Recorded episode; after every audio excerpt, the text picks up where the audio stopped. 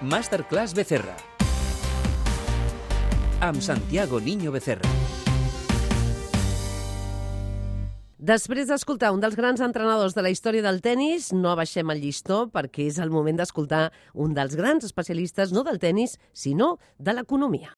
Otro jueves negro en el Wall Street Journal. Desde el 29 la bolsa no hace crack. Cierran la oficina, crece el desvarío, los peces se amotinan. Santiago Niño Becerra, bona nit, què tal, com estàs?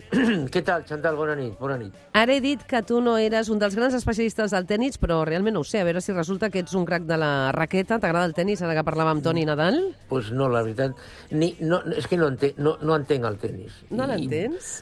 Pot ser, eh, per això no m'agrada o no, no, no, o sigui, no, no, no dir ni una cosa ni una altra. No, no ho entenc, no m'agrada. A mi sí, a mi sí que m'agrada. Llàstima perquè haguéssim fet un partit interessant, eh? Però bé, avui tenim un altre partit, que és la secció de ràdio. S'acosta Sant Jordi per ser oients i el Santiago ja té nou llibre a les llibreries i d'entrada faig, haig de dir que el títol eh, m'agrada perquè és profètic. Futur, quin futur? El, el presentarem aviat també aquest llibre, El Revolució. Estaves optimista el dia que vas pensar en el títol? I de què parlarà aquest llibre? bueno, jo, quan a- a- el, el tronc d'aquest llibre el vaig escriure al juliol del, del 2021 i resulta que mm, allò de que un, en un moment donat em va venir al cap per tot el que estava escrivint Eh, tu te'n recordes d'aqu- d'aquell mm, àlbum de Supertramp, Crisis, World Crisis? Sí, i tant.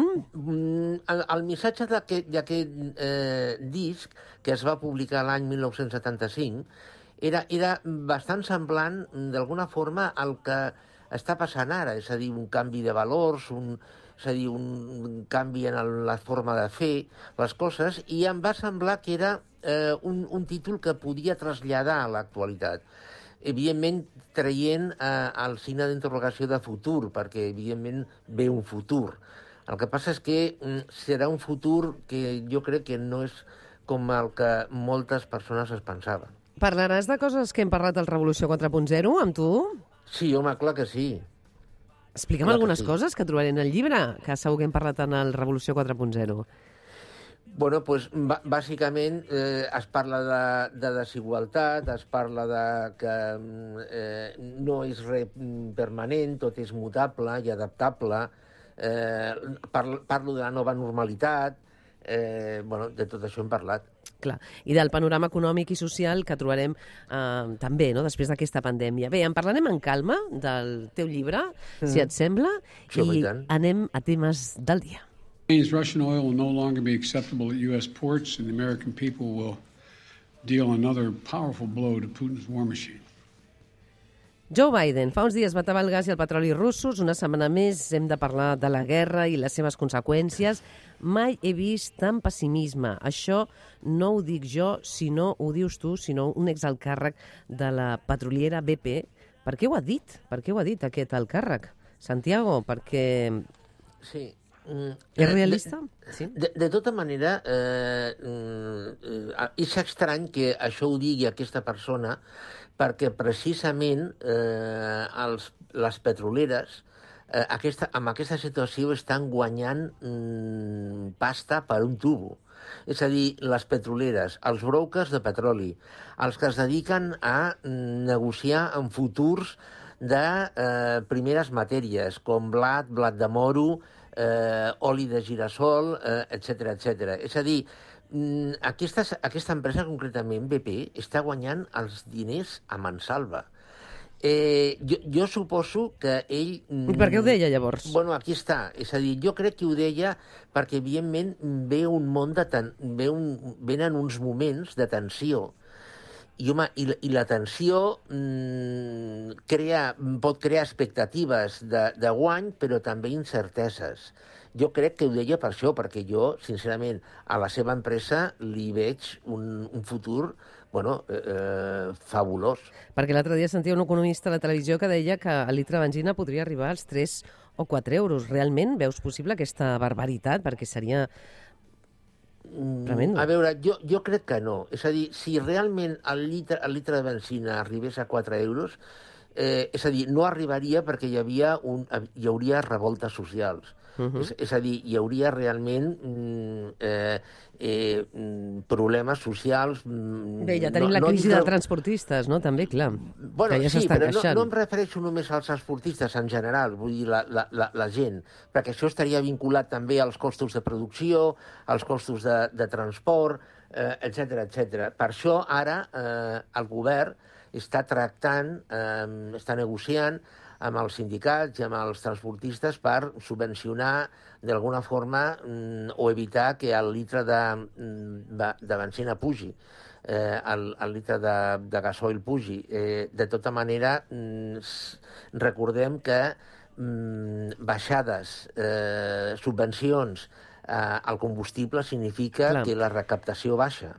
amb la qual eh, els ingressos fiscal baixen. Mhm. eh, I Espanya té un dèficit molt elevat. Davant d'aquesta realitat, l'Agència Internacional de l'Energia diu que no patim, que ho arreglaran només quatre mesos. Com? Bueno, jo, jo, jo sincerament, eh, això mm, no, no, no ho veig. Eh, sincerament, no, no, no ho veig, perquè amb el, és a dir, amb, amb el teletreball, transport públic més barat o posar límits de velocitat, mm, jo mm, sincerament no ho veig. Mm, és a dir, a veure, el teletreball la, l- es va demostrar amb la pandèmia, als Estats Units es va, fer, es va fer un estudi, em sembla que van parlar Revolució, eh, es va fer un estudi i es va demostrar que la productivitat de les persones que havien teletreballat havia incrementat, incrementat un 4%. I ara moltes empreses, no només als Estats Units, a tot arreu estan donant marxa, enrere en el teletreball. Per exemple, de, de, diu l'Agència de l'Energia eh, prohibir la, la, la, la circulació a les ciutats els diumenges. A- Això està molt bé, eh, però la gent no acceptarà, això. Eh, o o s'ha d'imposar en mesures dictatorials. Eh, no sé, és que és, que és una situació... Eh, són situacions, eh, Chantal, que necessiten eh, que un nivell de mentalització per part de la, de la població que jo crec que la majoria de gent no té. Clar. Jo crec que... Sí, sí, perquè proposen això que deies, eh? teletreball, transport Sí. públic més econòmic, límits de la velocitat, um, límits de la velocitat més estrictes, diumenge sense, sense trànsit, per tant, haurien de canviar moltes coses. Sí. Bé, recordem que la idea que ha apuntat el govern espanyol és abaixar el preu dels impostos dels carburants, que et sembla encertada, l'hem comentat, i recordem que més o menys la meitat del que paguem quan omplim el dipòsit són impostos, no? Per tant, Sí. això hauríem de tenir en compte. Per cert, uh, canvi d'hora, que sí que n'has parlat a la xarxa de Twitter Sí. eh, i que no, no estaves content. Què, què en pensaves? Explica als Va, va, oients. ne- ne- ne- ne- Anem a veure, eh, Chantal, eh? anem a veure. Situa't al mapa. Vigo i Oporto. ¿vale? Vigo a Galícia, Oporto a eh, Portugal. Estan en línia, en línia recta.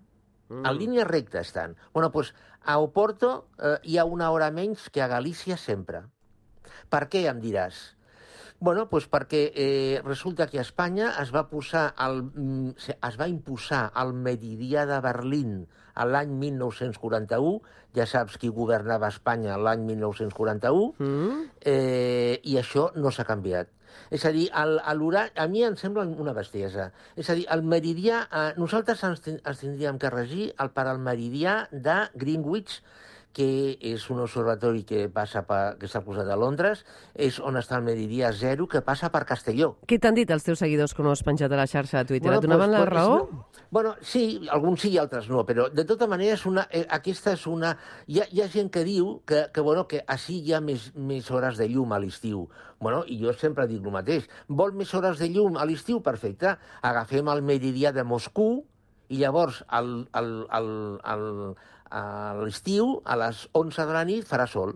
Home, clar, és a dir, eh, jo, jo, crec que, jo crec que les coses han de ser com han de ser. És a dir, si nosaltres eh, eh, estem a la zona horària del meridià de Greenwich, tenim de, hem de tenir, igual que està a Portugal, per exemple, hem de tenir aquest, aquest horari. Eh, tu, tu sabies, per exemple, que hi ha, hi ha molta gent de, de Galícia que eh, eh, va agafar l'avió eh, quan ha de viatjar a Oporto, perquè resulta que hi ha molt més vols internacionals a, a, Vigo, a Oporto que a Vigo o a Santiago de Compostela. Bueno, doncs hi ha gent que no se n'adona i perd l'avió, eh, perquè arriba tard. eh, perquè hi ha aquesta diferència d'horari. És a dir, jo, jo crec que eh, està fora de lloc que Espanya encara continuï al meridià de Berlín. Clar. Fora de lloc. Veig que et diuen, eh? Com pensar que es pot portar a acords eh? per millorar la vida de les persones a la Unió Europea quan aquest canvi d'hora, no?, que té tota la raó. Per tant, hi havia molts, molts dels teus seguidors que et donaven la raó. Bé, se'ns ha acabat el temps, com sempre, amb tu. Ens, fa, ens passa molt ràpid el temps. I, si et sembla, eh, parlem del teu llibre aviat, eh? Recordem Sí. eh, el llibre de Santiago Futur, quin futur, eh? Molt bé. I, i en parlarem més endavant en una entrevista. Una abraçada, Santiago. Gràcies, Chantal. Bona, bona nit.